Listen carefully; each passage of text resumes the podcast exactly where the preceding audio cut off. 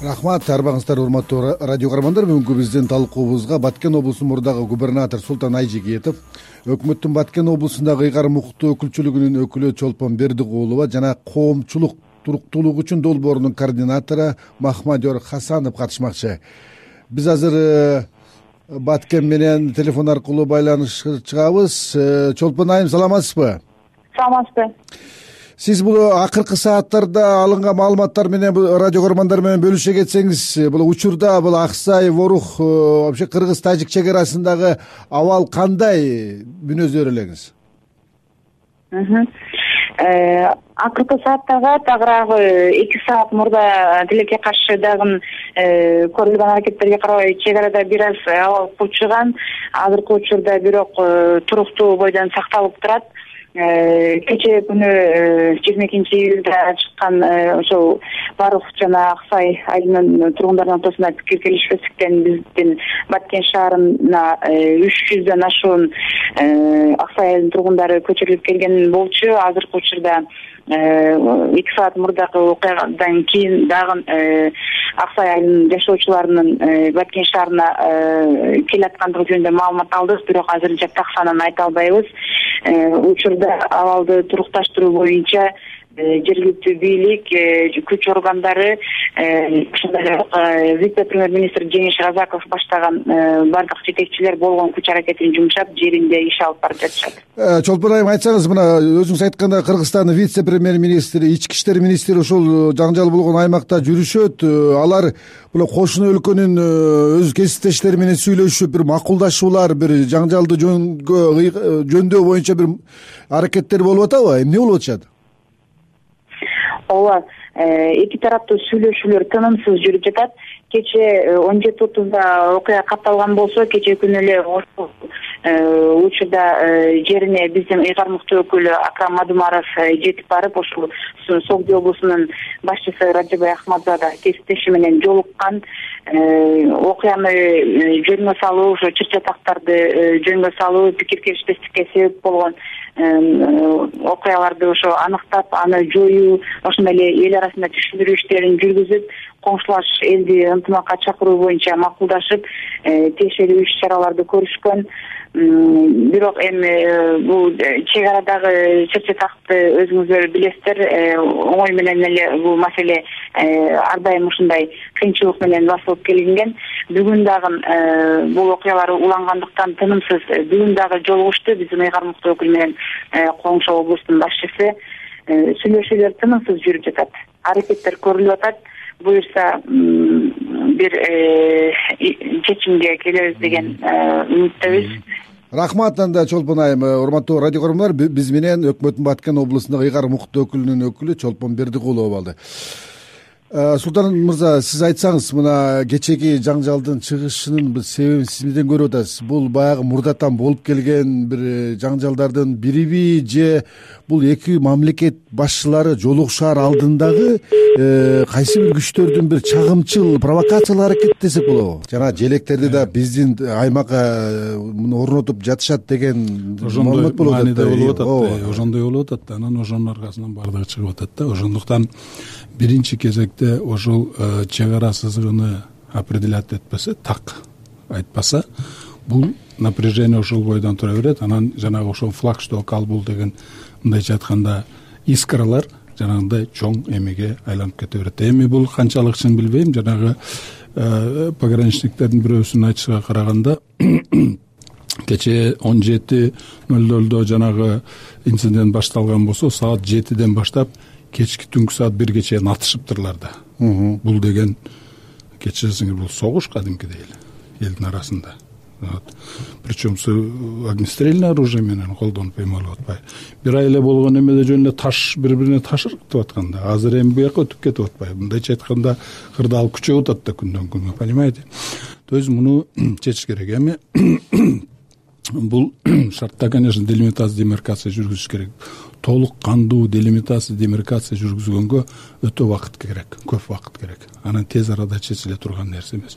Но бирок бул состоянияда турган болбойт да. Ошондуктан мен мына эки миң бешинчи жылдан бери эле айтып келатам ай временный убактылуу чек ара деген нерсени киргизиш керек. Себеби деген ага биздин мындайча айтканда укуктук негиз бар. Себеби деген мына токсон экинчи жылы алмата минскиде сссрдин бүт баардыгы орто азиянын немелери кол коюшкан что советтер союзунун республикаларынын административдик границаларын баарынын мойнуна алышкан ушуну сактайлы деп. Ошонун негизинде азыр анклавдын атырабында ошол сссрдин убагыдагы границанын немесинде временный деп туруп ошол жерде өтө татаал жерлерине тор тор менен тосуп анан кийин жанагы э, дүйнө жүзүндө мындай анклавдар чечкен жанагындай особый режим функционера анклавов деген бар. Ошолорду кондолуш керек. Эми бул форматта жарым саатта баарын айтып болбойт. Ооба мисалы үчүн ушул жаңжалдын жаңжалдан кийин э, тажик тарап расмий тарап моундай билдирүү менен чыгып атат. Кыргызстандагы айрым саясий күчтөр эки өлкө ортосунда тынчтыктын болушун каалабай ушундай провокацияларды чыгарып жатышат деп атат да. Сиз эмнеден түшүнүп атасыз? Бизде мен мисалы күчтөр барбы мен мисалы мындай күчтөрдү көргөнүм жок. Мындай мындай э, жаңжалды биздин ичинден эч кажети деле жок. Бул мен ойлойм тажикстан азыр биздин кыргызстандын Э, кыргызстанга жанагы инциденттин бүт баардык эмелерин биздин моюнга асып койгонго аракеттенип атат. Бул кадимки эле э, мындайча айтканда информационный война болуп атат да мындайча айтканда. Биздикилер кандай жооп берет ага билбейм. Бул мындайды мен такыр другое дело что ошол жерде сызыктар жанагы границалар такталып анан кийин порядок болгонго кызыктар эмес күчтөр бар болушу мүмкүн эки жактан тең. Тажикстан тараптан да кыргызстан ал уже мындайча айтканда расмий саясий эмелерден эмес ал. Саясий күчтөр эмес. Ал жөнүндө булар совсем башка ал жөнүндө да суроом болот. Азыр биз э, баткен менен махмадиор мырза менен байланышабыз. Махмадиор мырза саламатсызбы? Саламатсызбы мына сиз жакшы билесиз э, чек ара бойлорундагы жашаган элдин бири бирине бир ишенимин жаратып э, ал элдин ынтымагын достугун бир чыңдаш үчүн ошол эле өкмөттүк э, өкүлдөр жергиликтүү бийлик андан сырткары могу бир нече эл аралык долбоорлор дагы көп иштерди иш чараларды аракеттерди жасап келатышат отчетторду берип келе жатышат. Мына ушул аракеттерден бир майнап чыктыбы натыйжа болуп атабы өзү?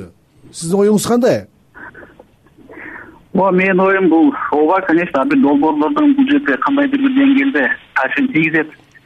Биринчи ошол именно достук чыңдоого элди бириктирүүгө ошол эле түшүндүрүү боюнча иштейбиз иштеп келатабыз.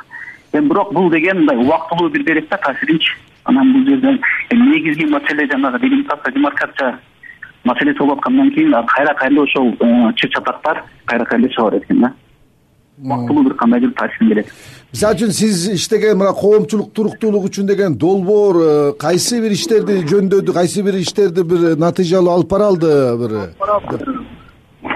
Азыркы кезде биз э, чек арада мындай совместный тажикстандын мындай долбоорлорубуз жок. Э, бирок буга чейин иштеп келген долбоорлор болгон. Мына биз эки миң он алты эки миң он жети иштеп келдик жаштар менен. Ушул чек арадагы жаштардан топторду түзүп бири бири менен ошол ушу достукту чыңдоого багытталган ушундай жумуштар аткарылып келген да. Бирок азыркы кезде биз э, тажикстан менен болуп аткан чек арадагы долбоорубуз жок сиз менен дагы байланышабыз э, биздин менен талкууга кошулуп туруңуз. Э, султан мырза мына сиз жанагы айтып калдыңыз биздин ички саясий турмушубузда бул эмеге кызыктар тараптар же болбосо күчтөр бар жок экен деп атпайсызбы дагы бир маалыматтар да жүрөт э, кыргыз тажик чек арасындагы мындай чыңалууну э, кармап туруш үчүн же болбосо жаратып туруш үчүн сырткы күчтөр бар чет өлкөлүк күчтөр.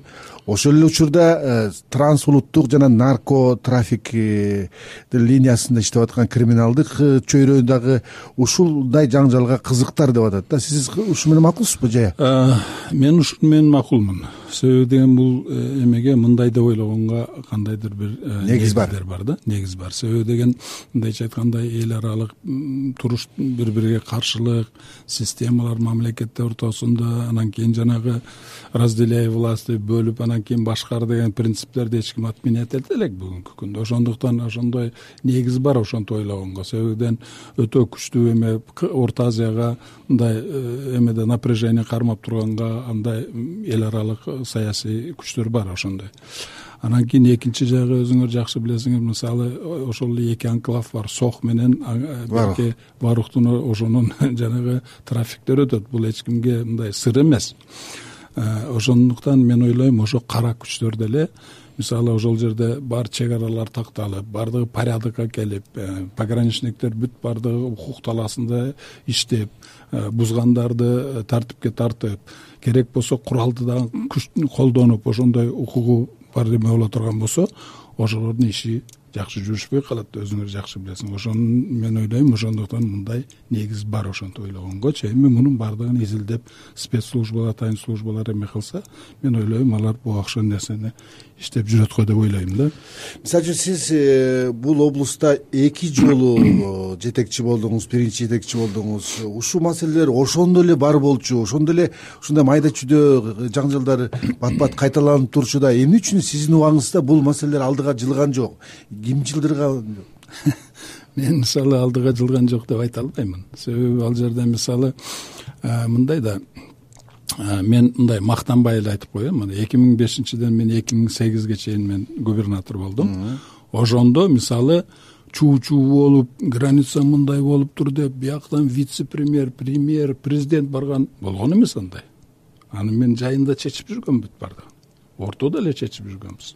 Мындайча айтканда баары чечилип аткан. Анан ал жерде э, баткенде мен жаңы губернатор болгондо үч көйгөй болчу жер суу граница анан баардыгы бири менен бири байланыштуу. Мисалы жерди чечсең границаны сууду да чечесиң. Сууду чечсең границаны жолду да чечесиң.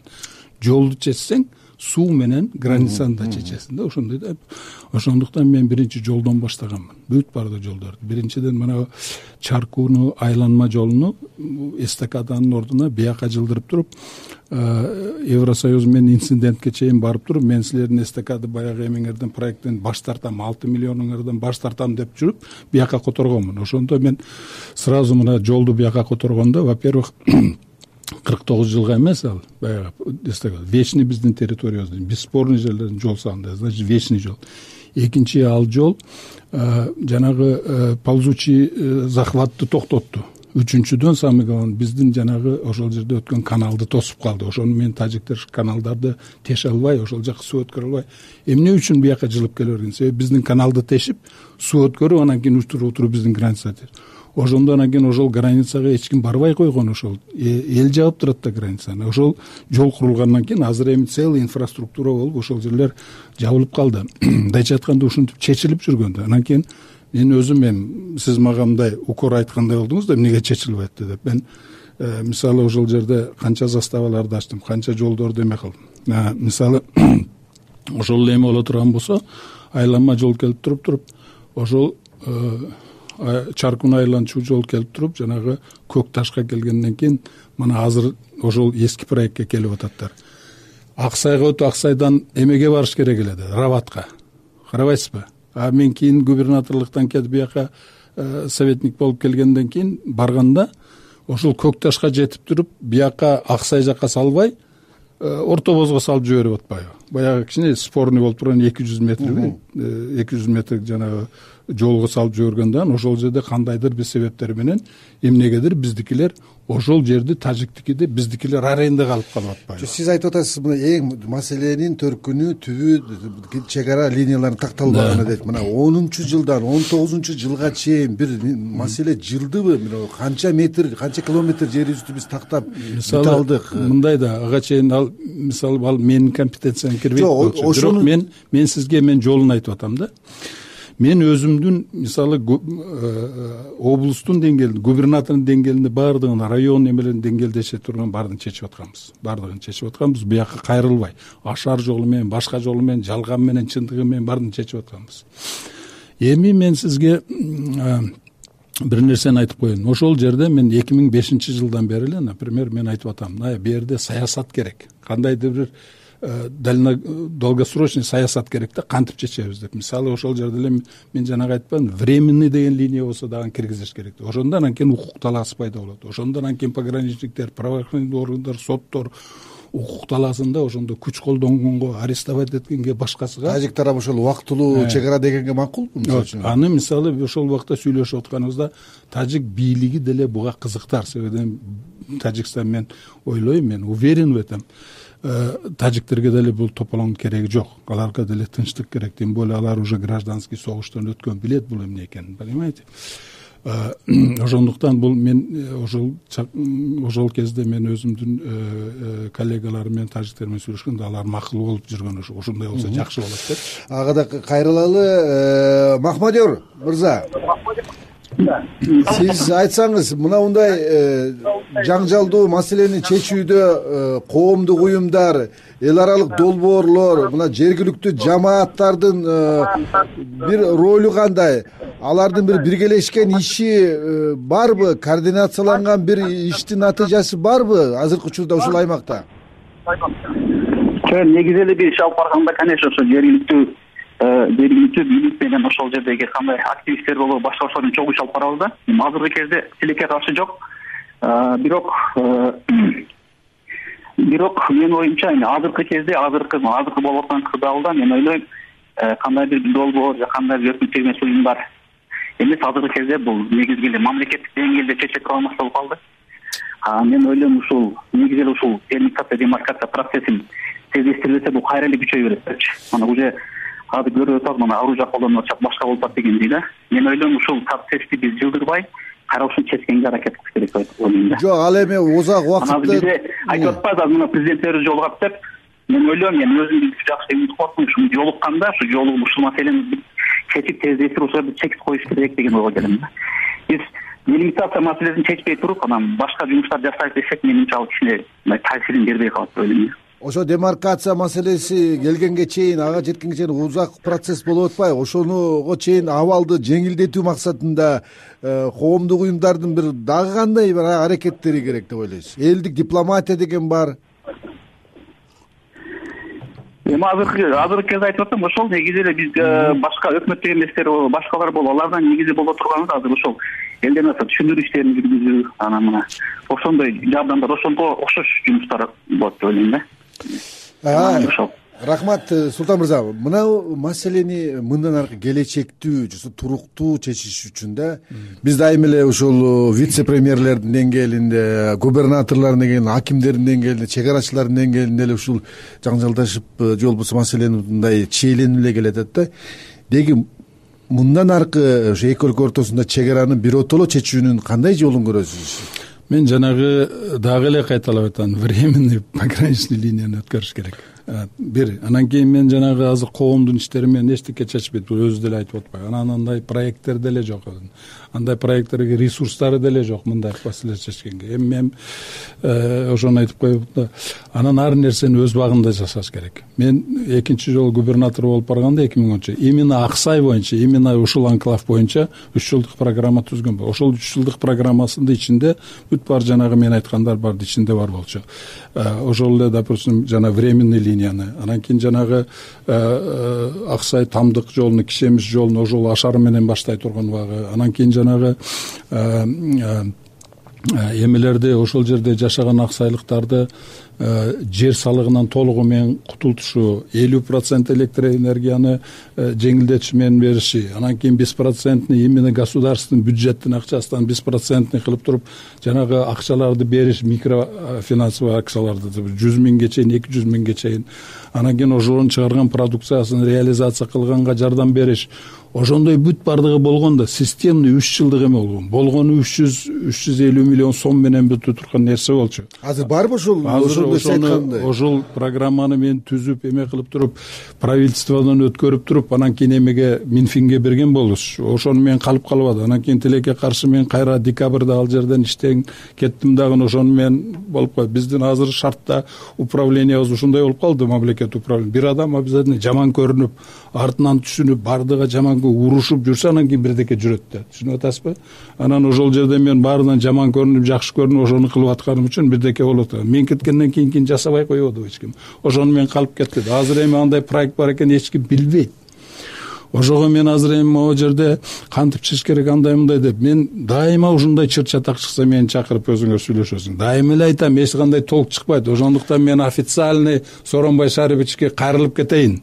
Урматтуу сооронбай шарипович ушул жарым сааттын ичинде эмне кылыш керек экенин мен айта албаймын. Анан кийин ошондуктан мени кабыл алып койсоңуз мен жумуш сурабаймын сизден. Мен жөн эле ушул кыргызстандын коопсуздугу үчүн как э, көз карандысыз эмес эксперт катары сизге мен эмне кылышым кандай иштер бүтпөй калды ошону кантип бүтүрүш керек экенин айтып берсем может быть кандайдыр бир мына имомали рахмон менен жолугушуунун алдынан кандайдыр бир пайдасы тийип калар деген ой менен дал үстүнөн түштүңүз мына сиздин э, пикириңизди биздин мамлекет башчыбыз дагы угуп сиздин пикириңизди ойлоруңузду эске алат деп ойлойбуз. Мына ушул жумада биздин эки өлкөнүн президенттери да жолугушкан деп атат да.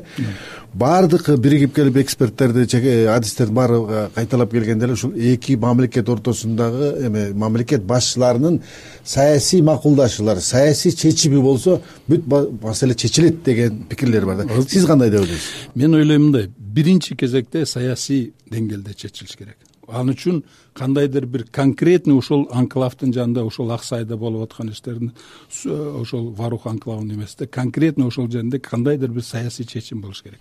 Саясий чечим жөнөкөй эле кадимки эле жанагы токсон экинчи жылдагы келишимдерге минский жана алматинский келишимдерге негизделип туруп временный кылып туруп ошол границаны эме кылыш эң татаал жерлерин тор менен жабыш керек. Эки президенттин ортосунда ошондой саясий чечим боло турган болсо ошондо анан кийин правительство өзүнүн деңгээлинде парламент өзүнүн деңгээлинде баардыгы пробивать этиш керек. Эме правительство жанагы хозяйственный жактагыдан парламент там законодательный жактан жергиликтүү бийликтер жанагы народный дипломатия ошондон кийин жанагы коомдук ишмерлерди э, эме кылса народный дипломатия ошондон кийин системный иш жүрүшөт. Ошону менен ошондо бүтөт. Ошондон кийин кандайдыр бир маанилүү э, баардыгыга түшүнүктүү какой то бир Э, жол болуп калат да кантип чечишке а бүгүнкү күндө эмне болуп атат тополоң болсо барабыз баардыгыбыз жыйылып барабыз андай мындай. Анан элди жоонтабыз жанагындай воспитательный иш түшүнүктүү иш анан кийин жана дипломатия ал бир эки айга эле мына бир ай эле мурун чатак чыкпадыбы ошентип дипломат эме кылып тынчыгандай болду эле бир айдан кийин кайра эме мына биз баткен дегенде тажикстан менен бул ушу дайыма эле ак сай варух деп айтабыз да. Баткен аймагында тажикстан менен чектешкен көп эле жер бар да. Ак сайдан дагы башка дагы көйгөйлүү участоктор барбы? Же алар жеңилби мисалы мен сизге айтайын ошол баткен облусунда ак сай эң татаал узел ошол жер анан кийин буга чейин жанагы эмеде согу менен чарбак деген эки жер болчу. Мына эмени эме болгондо ошол э, соктун согу менен чарбакты чечип алганбыз. Себебиден жанагы приемдорду эме кылып жана керектүү жерлерди торлорду тартып пока чек ара эме болбой калса деле. Ошону менен азыр токтоп тынч болуп калды. Рахмат э, урматтуу радио көрөрмандар бүгүн биз кыргыз тажик чек арасындагы чыккан жаңжалга байланыштуу эки өлкө ортосундагы чек ара маселелерин кантип чечебиз деген теманын тегерегине кеп кылдык. Бүгүнкү биздин талкуубузга баткен облусунун мурдагы губернатору султан айжигитов өкмөттүн баткен облусундагы ыйгарым укуктуу өкүлчү өкүлү чолпон бердикулова жана коомчулук туруктуулук үчүн долбоорунун координатору махмадер хасанов катышты берүүнү мен бакыт оорунбеков алып бардым. Кайрадан эфир аркылуу жолукканча саламатта калыңыздар